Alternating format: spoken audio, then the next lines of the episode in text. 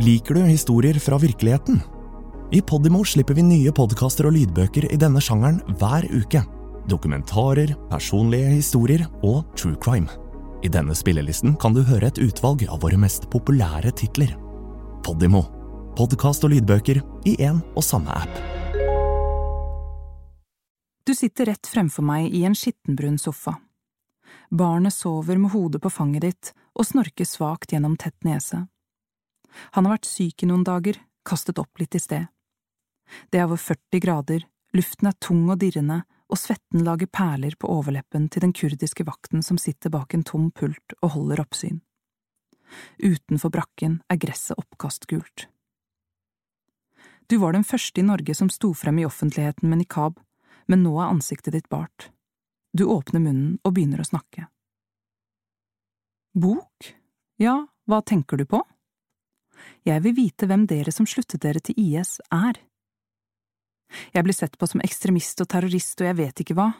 Har folk glemt at jeg er like mye menneske som alle andre? IS har gjort noen grusomme ting, sier jeg.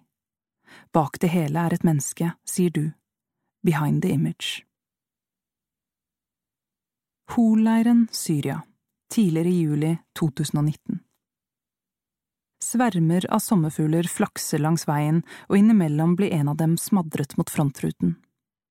Likene fester seg til glasset og ser ut som moste larver, som om de i døden er gått tilbake til utgangspunktet.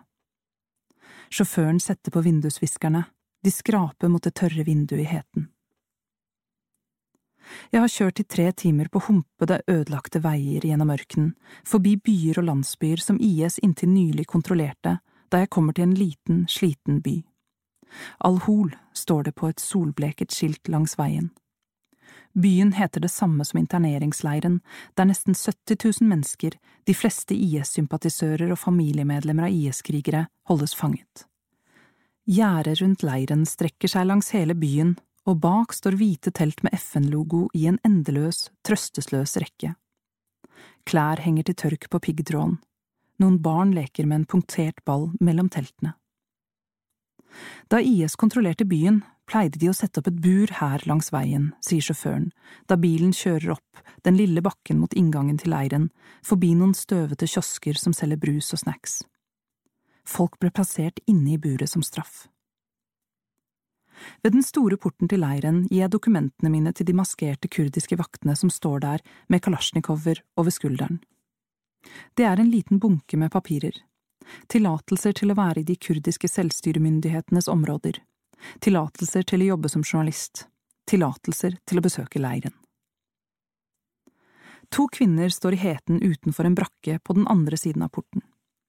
De er vaktene som er ansvarlig for annekset, delen av leiren der de utenlandske IS-kvinnene holdes, adskilt fra de andre med et høyt gjerde og en port som sjelden åpnes.